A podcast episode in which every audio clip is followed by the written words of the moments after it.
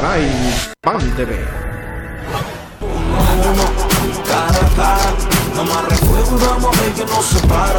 Hace unos días salió un anuncio eh, diciendo que iba a hacer un cara a cara de nuevo, eh, porque hice uno en el 2013, puede ser, madre mía, cómo pasa el tiempo. Cara a cara, frente a frente otra vez. Buenas noches España, buenas noches Europa, buenas tardes América. Saludos cordiales a los que nos siguen a través de Internet desde cualquier parte del mundo. Gracias por confiarnos la organización de este debate cara a cara. Saludos, eh, sabía muy joven en este cara a cara de Pontevedra Ampiva Radio. Joven, pontevedrés, dedicado a las artes o, o, a la industria, él me lo va a decir luego, artes o industria audiovisual. Eh, su cara seguramente la habéis eh, visto estos días por redes eh, sociales, en el teatro principal con motivo de la parte que le corresponde de la presentación de esa webserie titulada Peter Brandon. Una vida por la comedia. Bienvenido, Oscar Cruz. ¿Qué tal? ¿Cómo estás? Decía, Pontevedrés, muy joven. Podría serlo más, pero muy joven. ¿Dedicado eh, al arte o a la industria audiovisual? Yo quiero dedicarme al arte, pero tengo que vivir de la industria, así que vamos a por las dos. Mm. se, puede, se puede hacer una empresa eh, con creatividad, con arte, ¿no? Sí se, sí se puede, yo creo que sí. Tam, o sea, hay bastantes ejemplos, pero, pero siempre que los ves ya quedan tan lejos que dices, uh -huh. ¿podré yo? Pero sí, hombre, sí. Querer es poder. Querer es poder, exacto. Y estábamos comentándolo además antes de encender los micrófonos. Mira, Óscar, mmm, eres un tío que, que, te has formado. Vamos a conocerte un poquito para luego ir al, al final, a lo más reciente de, de esta historia. Eh, cuéntanos, eh, ¿de dónde te viene a ti esta, vocación por el audiovisual? ¿Dónde te formas? ¿Cómo comienzas? La vocación empieza de pequeñito viendo películas de Disney y esto es muy importante porque seguramente toda mi generación se criaría viendo los vídeos de VHS que le ponían sus padres y, de ahí viene un poco el amor de ver Toy Story y, de no poder dejar de verla, de que tengas una cinta con Jumanji y no puedas dejar de verla, ese tipo de cosas. Y después, eh, eso, me acuerdo en, en, bachiller así que mm, en general las clases no me importaban demasiado y eh, lo que me dedicaba es a escribir en libretas y escribía historias así, pues muy tarantinescas, ¿sabes? Cosas así que uh -huh. hoy en día me daría vergüenza enseñar. Pero Nunca llegué... renuncies a tu pasado. Exacto, pero no sé, es como cosas que si las leo ahora me pegarían hachazos en el corazón. Y, y, después luego llegué a la facultad y empecé a escribir, ahí empecé a ver ya cine un poco más concreto y ya siempre en mi casa también me ayudaban bastante con tienes que verte esta película, aquel clásico que había que seguro que te interesa. Uh -huh. Y empecé a escribir, empecé a escribir ya con más xeito y, y, ya como con una idea de lo que podía ser escribir un guion y, y me, me, gustó muchísimo, de hecho me gusta tantísimo escribir uh -huh. que ni pienso en dirigir o nada de eso. Escribir. Eh, Coruña y Salamanca, ¿no? Fueron los sitios donde, donde te has sí. formado. Eh, cuéntanos, además, eh, qué significa y, y, si se le puede llamar productora. Porco Bravo. Supongo que legalmente no se le puede llamar productora, pero realmente sí que lo somos porque producimos cosas y, uh -huh. y estamos produciendo contenidos y lo, lo que más producimos son webseries y sería genial eso, eh, dejar de llamarle webseries a partir de ahora, a partir de, de, Peter Brandon, que ya es un producto bastante más grande y que podría uh -huh. estar en la, en la televisión. Entonces, yo creo que sí que le, le, podemos llamar productora. Hay, de hecho, somos tres personas, uno es productor, es el que Vamos tira a decir carro. sus nombres, que es Javier, de justicia. Javier López, Javi López, nuestro productor, que, que, es el que tira del carro y el que, el que nos mueve por, por todas partes. Después está Jorge Boquete, que es el, el, el jefe de todo esto. Uh -huh. Es el chico que empezó todo esto y el que tuvo la idea de Porco Bravú y es el, el director. Yo eh, estoy tan cómodo con él porque es eso, yo escribo y yo le digo una idea y él me dice una idea y yo puedo escribirla, se la paso y luego ya sé que eso va a estar bien hecho. Eso. ¿Y la chica? Nos falta Alicia, ¿no? Y Alicia hace, ya hace un tiempo que no está con nosotros, ah, pero Alicia, perdón. Alicia nos echó un cable súper grande hace, con, cuando empezamos con el método sueco. Y, y, de hecho estuvo con nosotros en los dos Mestre Mateos y, sí. y Alicia fue muy importante para nosotros en los Mestre Mateos, uh -huh. sí que es verdad. Mira, ves, estaba yo, pues hay que actualizar, ¿eh? estaba yo buscando ahí por internet. está bien que se recuerde también a la gente que nos ayudó. Acabas de nombrar eh, unos premios eh, muy importantes en el, en el ámbito gallego, con mucha eh, proyección, pienso, a día de hoy, los Mestre Mateo. Y es que esa webserie, el método sueco, eh, ha sido reconocida como la mejor webserie durante dos años seguidos, creo, Sí, ¿no? sí, sí, eso es una locura además, porque Sí, sí, sí, sí. No, no, no entiendo muy bien el por qué todavía. Nosotros no nos lo explicábamos mucho, pero, pero sí, dos años seguidos y fue una pasada. El primero no nos lo creíamos y el segundo ya fue como, pero esto... Estamos ¿qué es?". ahí. Claro, claro. Había ganado Serramoura ese año, su segundo año consecutivo y era como, ¿en serio? O sea, na- nadie debe votar en esto, ¿sabes? Esa sensación. Pero eh, estar ahí, que, que el sector reconozca esto, me da la impresión por lo que dices, ¿no? Es como que somos nosotros capaces de hacer eh, todo, todo esto.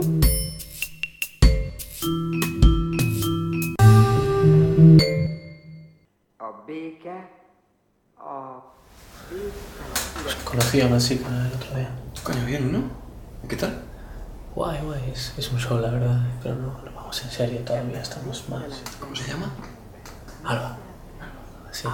Y, eso, bien, mismos gustos, mismo sentido de humor. Pero, ¿Por qué, por qué tiene que haber un pero? porque tienes toda la cara de pero. Sí, bueno, es que el otro día fuimos a. Estábamos en mi casa de noche, llevábamos toda la semana sin vernos, había ganas. Te la tiraste. Sí. Qué bien, ¿no? No, ahí, ahí está el problema. La chupo. No, no, a ver, me la, me la chupó y más tiene una técnica. No, follaba, se movía un montón. Está, está un- Entonces, ¿qué problema hay?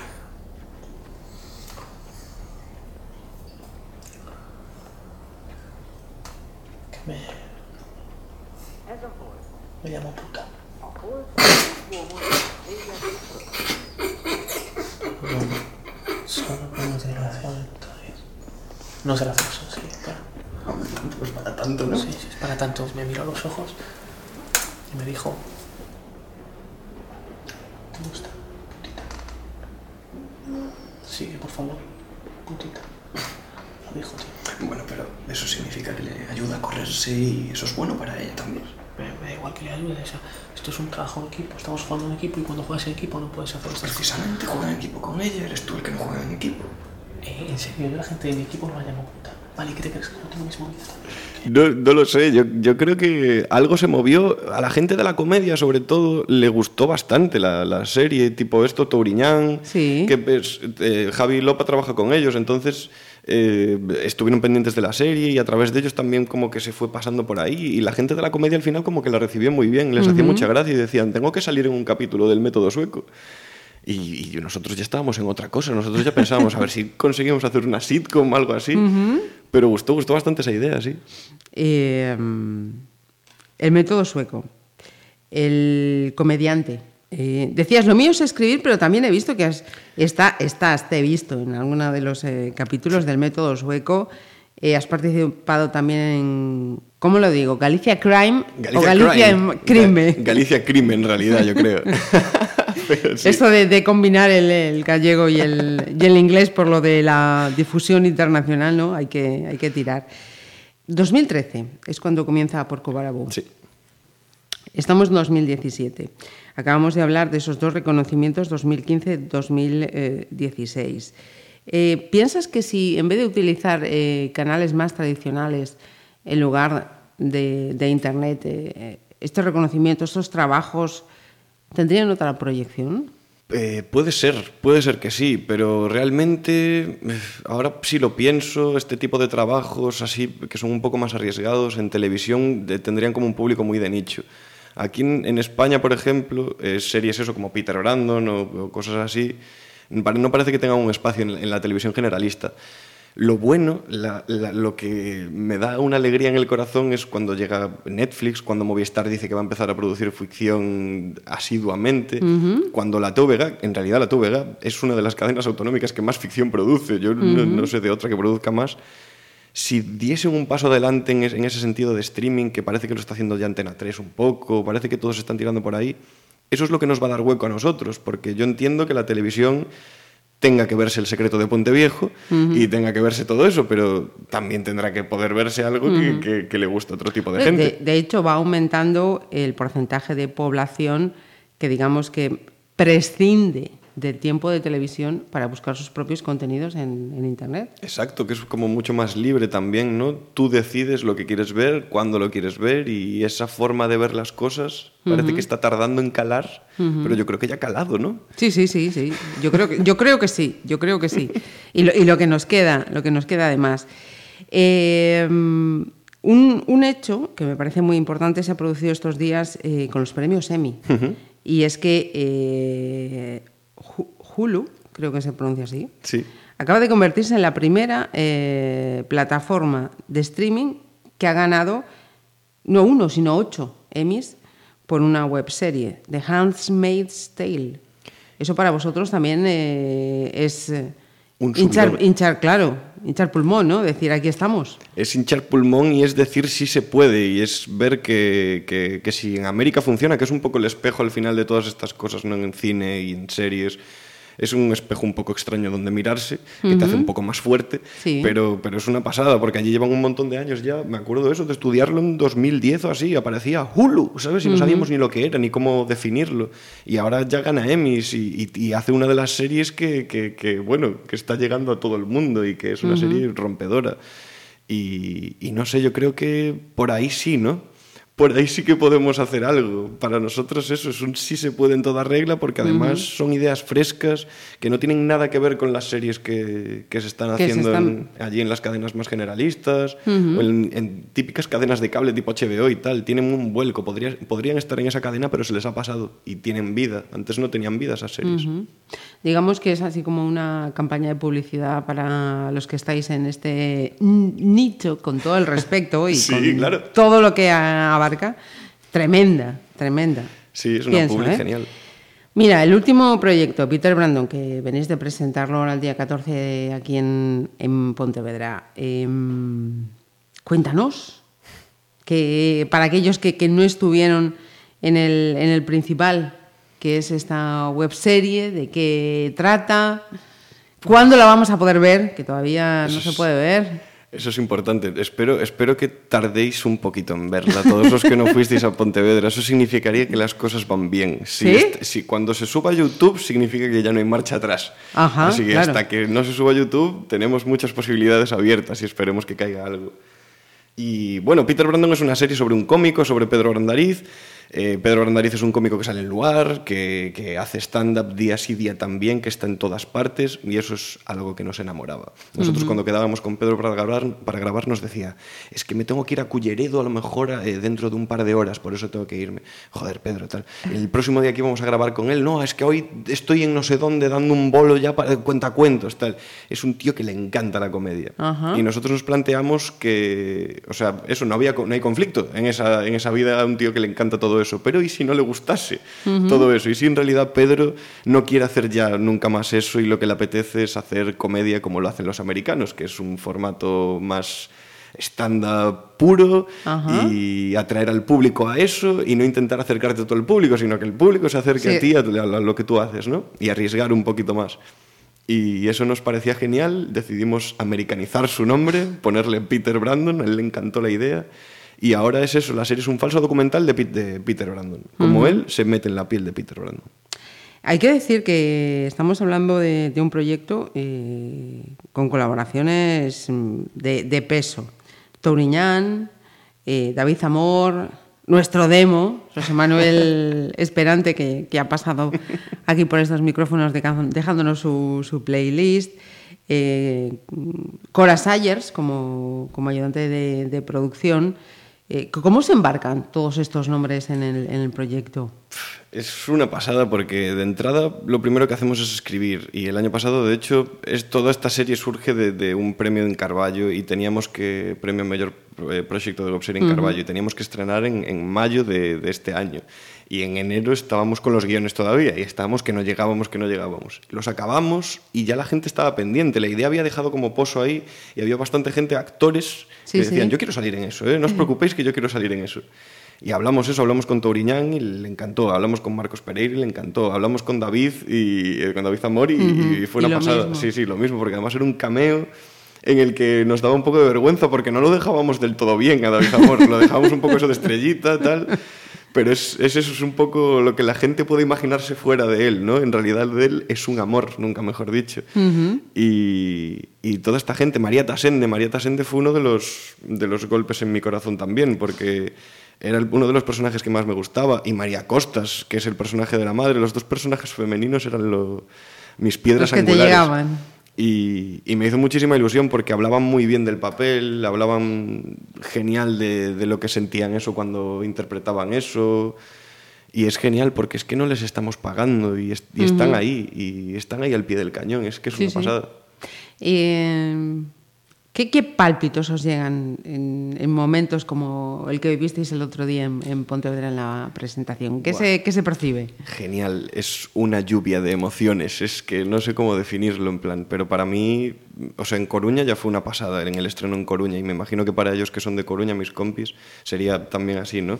Pero para mí aquí cuando me subí al teatro principal, si es que eso es a donde miraba veía una cara conocida o algo, y no sé, es muy guay, es súper guay estrenar en tu ciudad, que te den la oportunidad, ¿sabes? Y, y decir esto de que nadie es profeta en su tierra, bueno, Pues sí. no lo seré, pero al menos estuve aquí, ¿sabes? Y, y no sé, sí que da como muchas emociones y ver a la gente, escuchar las risas cuando... No sé, es que es una oportunidad tan guay. Además, eso que estamos acostumbrados a Internet y el feedback que Internet es mucho más triste, en plan, es... Más sí frío. Que, sí que llega la gente y todo Sí, eso, sí. pero...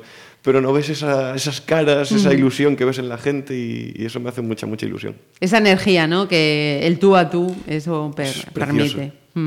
Mira, Óscar, eh, ¿cómo, es, ¿cómo es un día a día en la, en la vida de, de Óscar? Porque para escribir y seguir el ritmo me imagino que, que no le dedicas un- una horita al día, vamos. Buf, que va. Eh, esto es un poco el, el curro del guionista, ¿no? Es eh, la mayor parte de los días no haces nada hasta que de repente ya te ves que estás enfrascado hasta arriba escribiendo cada día. Yo intento, intento levantarme por las mañanas, pero la verdad es que lo tengo muy difícil. O sea, mi, mi archienemigo es, es El despertador. Pero, pero generalmente intento eso, eh, levantarme y leer periódicos y cosas así, como eso como que me va, me va metiendo en el mundo, ¿sabes? Y después siempre tengo alguna idea y voy anotando en folios. Lo que más me gusta es eso, como ir primero, primero haciéndome como una especie de croquis en la cabeza, ir anotando cosillas. Y, y un día a día es, es- es eso, es bastante aburrido en realidad. ¿eh? Lo que no pasa nos es que- digas eso. yo me lo paso bien, lo que pasa es que sí que es muy, es muy aburrido.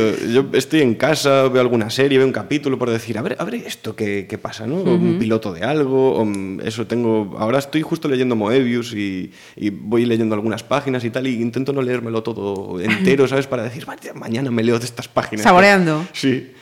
Y eso, entre lecturas, entre escritura de tal, hacer un guion de un corto simplemente por mantener el oficio, ¿sabes? Por intentar sacar ahí el oficio y decir, joder, si me piden un corto puedo tenerlo escrito en una semana, si no me va a costar un poquito más, estoy oxidado.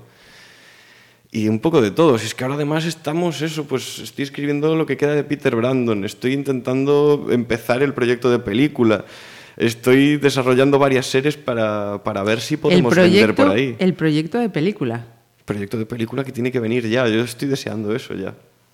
Atención. Lo que acaba de decir Óscar. Y lo peor de todo es que no hay una idea clara todavía, pero hay varias que nos tientan Ajá. Y, y siempre estoy pensando un poco en eso, en ver, a ver, un arranque de mi película. Yo si- siempre creo que si, que si pienso un arranque, todo va a venir por lo demás. La gente suele querer el final. Yo quiero un arranque, un arranque bueno y ya veremos. Y hablabas también eso de ir tirando de, de las webs, ¿no? A ver quién. de las web series. A ver, exacto, eh, seguir adelante porque me parece que es uno de los formatos eh, que tiene más, eh, que puede tener más tirón además en, en internet y del que se puede.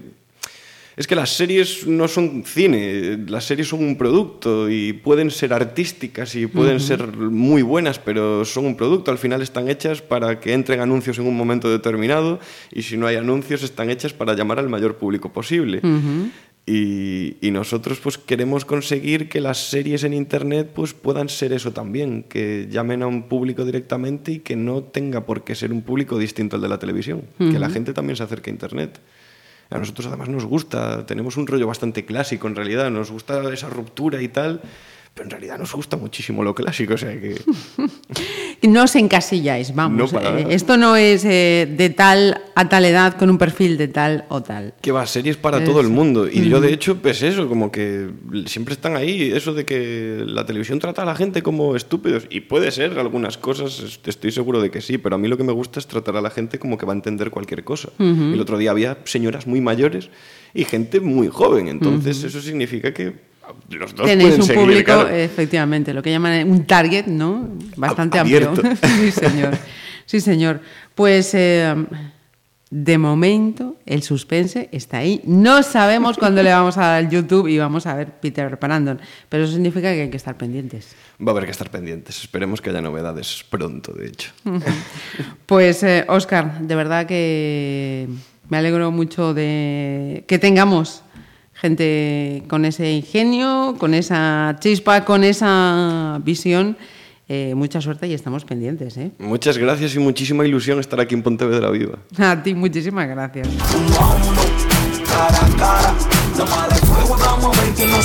Ok, te explico.